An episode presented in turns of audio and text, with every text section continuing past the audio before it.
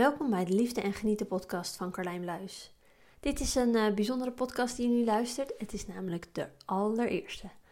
Nou ja, uh, echt de allereerste is het niet. Ik had er eerder al eentje opgenomen, maar daar was ik toch niet zo tevreden over. Dus die heb ik meer, maar weer verwijderd. Uh, maar het idee om ja, met een podcast te beginnen, om daar wat mee te doen, die bleef wel in mijn hoofd zitten. Dus als jij dit hoort, dan betekent dus dat het deze keer wel gelukt is. En omdat het de allereerste aflevering is, leek het me leuk en vooral ook handig om mezelf uh, voor te stellen. Wie ben ik, wat doe ik, wat kom ik hier brengen? En dan weet je een beetje wat je, ja, wat je kunt verwachten.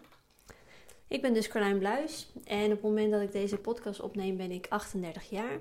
Ik uh, ben getrouwd met Guido en samen hebben wij een dochtertje van anderhalf jaar en zij heet uh, Robin. En nou ja, dat is de hele basis van wie ik, van wie ik ben. Maar om te vertellen wat ik doe, moet ik even een stukje met je terug in de tijd, een jaar of acht. Um, acht jaar geleden uh, werkte ik nog in de mode als uh, product developer. En in die tijd was ik uh, niet alleen product developer, maar ik was ook heel erg moe en ontzettend perfectionistisch.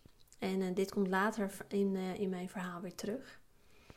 En er gebeurde in die tijd iets bijzonders dat ervoor zorgde dat nu, zo'n acht jaar later, mijn leven er echt totaal anders uitziet dan, uh, dan toen. En wat er gebeurde was dit. Um, er was toen een soort van uh, ja, crisis, waardoor uh, best wel veel modebedrijven kopje ondergingen. Die gingen gewoon failliet en de deuren moesten sluiten, enzovoort. En um, om die reden raakte ik dus ook uh, mijn, uh, mijn baan uh, kwijt en zat ik ineens een aantal maanden in de, in de WW. En dat was voor mij een belangrijk punt. Het was voor mij de start van een omkeer in mijn leven. Um, ja, dat wist ik toen nog niet natuurlijk, maar nu zo acht jaar later terugkijkend was dat een belangrijk punt. En wat er allereerst gebeurde was dat ik merkte dat ik in die tijd, ja, het viel me toen pas op hoe verschrikkelijk moe ik eigenlijk was. Ik heb weken of misschien wel maanden achter elkaar heb ik echt iedere nacht klokje rondgeslapen. Gewoon dag na dag sliep ik 12 uur per nacht. En uh, je zou dan denken van nou, dan zul je je vast wel uitgerust uh, gevoeld hebben uiteindelijk. Maar dat was dus niet zo. En um, hier ga ik zo verder nog een stukje op in. Uh, maar er gebeurde tegelijkertijd nog iets. En wat dat was, was dat door mijn overvloed aan vrije tijd besloot ik om um, toch nog maar weer eens een poging te wagen om van mijn uh, nek, schouder en rugklachten af te komen. Daar had ik al heel lang last van, heel veel dingen geprobeerd, maar dat werkte allemaal niet goed genoeg. Maar ik kwam nu in die tijd kwam ik bij een body stress release therapeut uh, terecht. En um, nou ja, wat ik al zei, dat was toen echt een hele belangrijke keuze. Want deze vrouw hielp me namelijk niet alleen um, met mijn fysieke pijn, die werd echt een stuk uh, minder. Maar uh, zij leerde mij ook kennis te maken met ortomoleculaire therapie. En heel kort gezegd is dat uh, voedingsgeneeskunde en er komen ook wel wat supplementen bij kijken. Uh, maar ze adviseerde mij om het boek um, van Richard Telet te lezen, zijn allereerste boek toen. En ik denk dat veel, na, veel mensen zijn naam ondertussen wel kennen. En hij heeft ondertussen ook al wat meer boeken ge geschreven. Maar toen zijn allereerste boek heb ik uh, gelezen. En uh, nou ja, lang verhaal kort. Ik besloot om mijn eetgewoontes uh, behoorlijk drastisch om te gooien. En er gebeurde echt een hoop. Mijn energie ging zo vooruit en ik voelde me zoveel stukken beter. En ik vond die resultaten zo gaaf. En ik kon eigenlijk niks anders doen dan me inschrijven voor de opleiding tot orthomoleculair therapeut. Want dit wilde ik ook aan andere mensen leren en dit moest echt wereldkundig gemaakt worden, enzovoort, enzovoort. Dus ik uh, besloot een flinke carrière switch te maken. Dat was de eerste switch. Dus dat was, uh, nou ja, zo'n 8, 7, 8 jaar geleden. En uh, dit had natuurlijk een groot gevolg op mijn dagelijkse bezigheden, maar dus ook op mijn lichamelijke toestand. Want ehm, van altijd moe ging ik eigenlijk naar bijna uit, onuitputtelijke energie en mij waanzinnig goed voelen. En um, nou ja, ik begon met die studie. Uh, ondertussen had ik nog een parttime baan om de rekeningen te betalen. En anderhalf jaar later opende ik mijn eigen praktijk voor ortomoleculaire therapie. Dat was uh, Voeding is kracht. Um, de start van de tweede grote switch, dus dat was mijn eerste grote switch van uh, nou ja, in de mode naar een eigen praktijk in ortomoleculaire therapie Maar er kwam nog een, een tweede grote switch. En die switch zelf duurde wat langer, maar die werd ingezet een jaar of vijf, zes geleden. En, want ondanks dat ik me lichamelijk wel een stuk beter voelde, was er wel iets wat mij nog behoorlijk in de weg zat. En um, ja, samengevat was dat eigenlijk mijn perfectionisme. Ik probeerde op allerlei vlakken in mijn leven probeerde ik het uh, ja, gewoon zo goed mogelijk te doen. Uh, het liefst zo fout mogelijk en zo perfect mogelijk te zijn, te leven, te doen. En um, dat zorgde voor veel onrust. Het zorgde ook voor een constant onderliggend gevoel van niet goed, uh, goed genoeg zijn. Nou ja, als je een beetje perfectionisme, perfectionistisch bent, dan herken je dat wel. En wat er toen die tijd ook gebeurde, is dat mijn vader ziek werd. En ik kon hem niet helpen met, met zijn ziekte. En dat werd mentaal heel zwaar voor mij. Echt ontzettend zwaar. Um, ik had alle tools in huis om hem te helpen. Om uh, eventueel zijn ziektebeeld wat af te zwakken. Om de achteruitgang wat minder hard te laten gaan. Nou, wat gebeurde er? Hij wilde niet met ortomoleculaire therapie of met voeding of wat dan ook aan de slag. Dus theoretisch gezien kon het. En in de praktijk, ja, hij wilde het gewoon niet. Um, ook dit zal ik dan in een, uh, in een korte versie vertellen wat er daarna gebeurde. Want het uh, kwam er uiteindelijk op neer dat, ik een, uh, dat er een coach op mijn pad kwam. En nou ja, zij was precies wie ik op dat moment nodig had. En met haar gaven prikte ze precies door mijn façade heen. Want ik kwam eigenlijk bij haar omdat ik baalde dat mijn bedrijf nog niet zo goed genoeg liep. Dus niet zo goed als dat ik wilde. Maar waar het op neerkwam was dat ik gewoon volledig in de knoop zat. Met mezelf, met mijn gevoelens. En de ziekte van mijn vader en het hem natuurlijk niet kunnen helpen, had de boel daarin nog veel zichtbaarder gemaakt, nog veel pijnlijker gemaakt. Uh, dus ik moest wel iets doen. Dus, en daarvoor kwam ik bij haar uh, terecht. En bij haar leerde ik voelen. Hoe voel ik me eigenlijk? Welke emoties bestaan er überhaupt? Wat heb ik nodig? Hoe geef ik mijn emoties de ruimte? Hoe geef ik mijn grenzen aan? hoe weet ik wat ik wil? Nou, enzovoort, enzovoort, enzovoort. Er zijn echt ik ben een aantal jaar bij haar geweest we hebben heel veel gedaan. Maar laagje voor laagje kwamen we dieper bij de problemen, of beter gezegd bij de problemen, bij de issues die mij in de weg zaten. En zoals dat wel vaker gaat, uh, voelde ik uh, me in het begin slechter. Want alle emoties die ik al die jaren diep weggestopt had, die kwamen nu naar boven. Dat, uh, dat was wel even wennen. Maar na een tijdje merkte ik dat het steeds vaker, steeds beter ging en ook langer goed ging. En ik werd rustiger, ik kreeg meer zelfvertrouwen, de spanning in mijn lijf nam af. Uh, ik begon meer in mezelf te geloven, dat soort dingen. En ik bleef dus een aantal jaar, volgens mij drie, drie jaar, maar misschien zelfs wel langer, regelmatig bij deze, bij deze mooie vrouw uh, langsgaan. En een beetje in diezelfde periode was er nog een ander balletje gaan rollen. Want um, via via kwam ik bij spiegelcoaching terecht. Bij een vrouw die daar echt uh, de expert in is. En um, bij deze spiegelcoach volgde ik eerst een online programma. En daarin leerde ik eigenlijk gewoon de basis. Wat is het spiegelen? Hoe gebruik je het? En um, ja, er zaten ook spiegelopdrachten in. Dus ik ging aan de slag met mijn eigen spiegels. En ook hieruit, haalde ik weer heel veel um, bijzondere resultaten. Ik groeide in, uh, wederom weer ontzettend als uh, persoon. En um, nou, de vorige keer, of de keer daarvoor dat ik mijn voeding had omgegooid, had ik uh, vooral veel complimentjes gekregen of opmerkingen gekregen over, de, over mijn lijf, over mijn figuur. Uh, want ik, ik was uh, best wel wat afgevallen, maar vooral kon ik ineens spieren opbouwen, dus dat was wel goed zichtbaar. Maar deze keer kreeg ik allemaal complimenten over uh, ja, dat ik er zelfverzekerder over kwam en dat ik er krachtiger uitzag en steviger en dat soort dingen. Dus dat was ook leuk dat ik dat zo terug kreeg als feedback. Um, ja, dus dat was, dat was leuk om te zien. Um, en ondertussen was ik natuurlijk alweer wat jaren verder in mijn uh, praktijk Voeding is Kracht. En um, ik was daar tot de conclusie gekomen dat eigenlijk iedereen die bij mij in de praktijk kwam of was geweest, dat er ook altijd mentale en of emotionele factoren meespeelden. Dus we konden wel hun voedingspatroon aanpassen, eventueel ondersteunen met wat supplementen.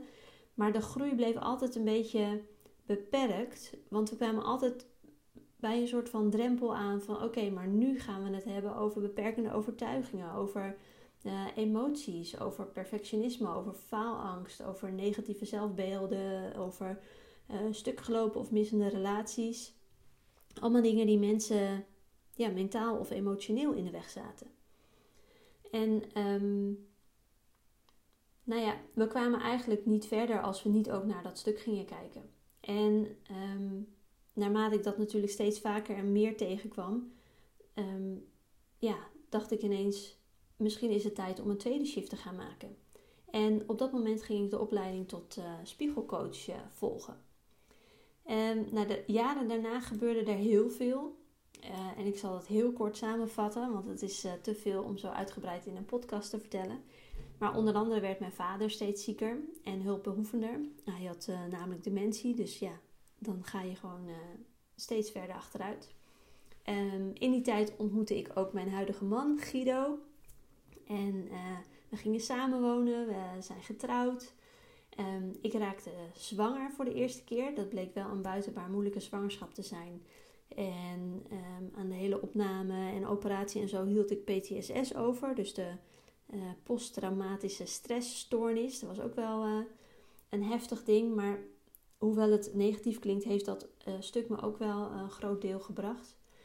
Um, daarna raakte ik nog een keer zwanger en bijna negen maanden later werd Robin geboren. Dus dat, nou, dat was denk ik drie jaar samengevat in een paar zinnen. Maar dat was best een hoop. En um, nou, na mijn bevalling moest ik vooral eerst even goed bijkomen. Natuurlijk vanwege de geboorte en de hele zwangerschap en genieten van ons dochtertje enzovoort. Maar um, vlak na de geboorte van Robin overleed ook mijn vader. Uh, het was daarvoor natuurlijk eerst uh, veel slechter gegaan. En toen Robin vijf weken oud was, toen um, overleed hij. Nou ja, de hele crematie, maar natuurlijk ook um, ja, de, de hele romslomp rondom het huis leeghalen. En nou ja, allemaal praktische zaken regelen. de emotionele ja, bagage die je daarmee moet kijken. Wat, ja, de hele rollercoaster, emotionele rollercoaster, laat ik het zo noemen, die daarbij komt kijken. Dus ik, ik moest daar even goed van bijkomen. En um, nou, in de loop van de tijd kwam ik tot de conclusie dat er dus best wel weer veel gebeurd was. En dat ik daardoor toch ook wel weer heel erg veranderd was. Ik had weer veel ervaringen meegemaakt. En hoewel het op dat moment best zwaar uh, was, kon ik zien, maar vooral ook voelen dat ik echt weer onwijs gegroeid was. Ik was gewoon niet meer dezelfde persoon. En um, ik kon ook zien dat um, de switch die ik wilde maken vlak voordat ik voor de eerste keer zwanger werd, ja, die paste eigenlijk al niet meer. Dus dat, ja, ik had dat nog niet eens uh, op poten gezet. Dat was nog niet eens helemaal doorontwikkeld. En ik voelde al na mijn bevalling van ja, maar dat is, niet, dat is toch niet wat ik precies ga doen. Um, dus um, tijd om weer uit te zoeken wat ik dan wel wilde en hoe ik dat ging aanpakken. En dat is wel in grote lijnen wat ik de afgelopen anderhalf jaar heb gedaan. En wat daaruit voort is gekomen is mijn nieuwe bedrijf en die heet Carlijn Bluis.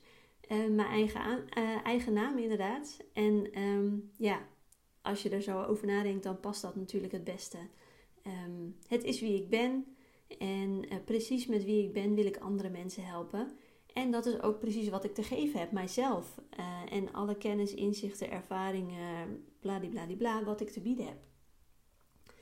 En um, nou ja, daar ben ik uh, de anderhalf jaar uh, geleden zo'n beetje mee gestart. Daar ben ik nog steeds bezig. Ondertussen staat er wel al heel wat op poten, dus dat is echt super gaaf. En, maar goed, dat, dat rolt gewoon nog, nog verder ook. Dat is nog steeds in ontwikkeling. En um, wat ik met mijn bedrijf wil uit, ja, hoe zeg je dat? Wil laten zien, mensen wil laten ervaren, waar ik de wereld een beetje mooier mee wil maken, is door andere mensen te leren hoe ze meer liefde kunnen uh, ervaren. Dus meer liefde voelen, meer liefde kunnen ontvangen, daardoor meer liefde kunnen geven.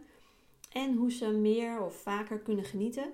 Dus Genieten van het leven, genieten van jezelf, genieten van de mensen om je heen, uh, genieten van alles wat er is. In plaats van natuurlijk gefocust te zijn op de toekomst, uh, alles wat nog moet, alles wat er nog niet is, maar je wel wil, alles wat is geweest en uh, de dingen waarvan je zou willen dat ze anders waren. dus dat. En de controle loslaten is daarin een hele belangrijke. Dus loslaten hoe je leven er precies uit gaat zien. loslaten wat anderen van jou denken. loslaten van hoe het hoort. van alle regeltjes en waarheden die we geleerd hebben van andere mensen. Loslaten van hoe jij zou moeten zijn. Bijvoorbeeld uh, altijd leuk en aardig. Of misschien altijd uh, sterk en vooruitstrevend. Dat soort dingen. Uh, loslaten dat überhaupt alles maar goed en leuk zou moeten zijn. Controle over je emoties loslaten. Nou, werkelijk waar, er valt een heleboel los te laten. En ik denk dat dat een heel belangrijk punt is. Um, alles wat niet echt is, loslaten. Alles wat niet bij jou past, loslaten. Alles wat je geleerd hebt, maar waarvan je voelt, ja, dat is misschien wel waar voor jou. Maar voor mij voelt het niet zo, loslaten. En dat klinkt misschien heel onveilig en heel ongemakkelijk. En dat is het in het begin ook best. Maar ik denk dat loslaten ervoor zorgt dat je meer naar je gevoel kunt luisteren. Dus wat past bij mij en wat past niet bij mij. Dus dat je daar veel betere, heldere, grotere, spannende, mooiere, excited uh, keuzes in kunt maken. En het zorgt ervoor dat je meer kunt leven vanuit je hart. En het zorgt ervoor dat je steeds dichter bij jezelf komt. Dus bij je, bij je ware ik, wie je in essentie bent. En dan, als je dat doet, dan kom je in een positieve spiraal terecht. Doordat je steeds beter wie, weet wie je bent, wordt het steeds makkelijker om te luisteren en te handelen naar je gevoel. Je kunt je hart steeds meer openzetten en meer liefde ervaren. Je kunt meer genieten van alles wat er is. Je kunt meer zijn in het moment. Dus dan, ja, zo kom je, stap voor, stapje voor stapje steeds weer uh, verder. Als je, als je maar een ingang vindt, een manier vindt om dat proces voor jou uh, te starten. Dus dat proces van die opwaartse spiraal. Nou, de conclusie van wat ik dus uh, hier te doen heb, vind ik zelf, denk ik nu, is um, ja, mensen leren hoe ze de controle los, los kunnen laten. Um, leren hoe ze meer uh, naar de, hun eigen stem kunnen luisteren, dus meer zichzelf kunnen worden. En daardoor uh, meer kunnen genieten en meer liefde kunnen ervaren. Nou, dat is dus um, ja, waarvoor ik hier uh, denk ik op aarde ben. En dit is ook wat ik in de komende podcasten elke keer een stukje weer verder wil uitdiepen. Er zitten echt heel veel aspecten aan, heb ik gemerkt. En um, sommige dingetjes zijn echt, uh, echt heel klein. Sommige inzichten zijn heel klein, maar kunnen zo ontzettend waardevol zijn. En daarbij heb ik ook gemerkt dat um, heel veel mensen die ik begeleid, dat die nogal zijn van uh, ja, maar ik wil graag in één keer alles, uh, dat het in één keer allemaal opgelost is. En dan weet je stiekem wel dat dat niet realistisch is. Maar als ik weet hoe het moet, dan zou het eigenlijk ook al gelijk gebeurd moeten zijn. Nou ja, zoiets. Maar dat juist die kleine stapjes je veel verder brengen dan proberen een enorme reuzensprong in één keer te maken. Want dat is te eng, te spannend, te groot. Um, nou, noem het maar op. Um, dus ja, ik hoop met, uh, met de podcast die uh, gaan komen, rot wordt trouwens, podcasts. Uh, met de podcast die gaan komen, um, je elke keer mee te nemen in een stukje, in mijn eigen ervaringen, in wat ik zie, in mijn inzichten, dat soort dingen. Dus dit was de eerste podcast.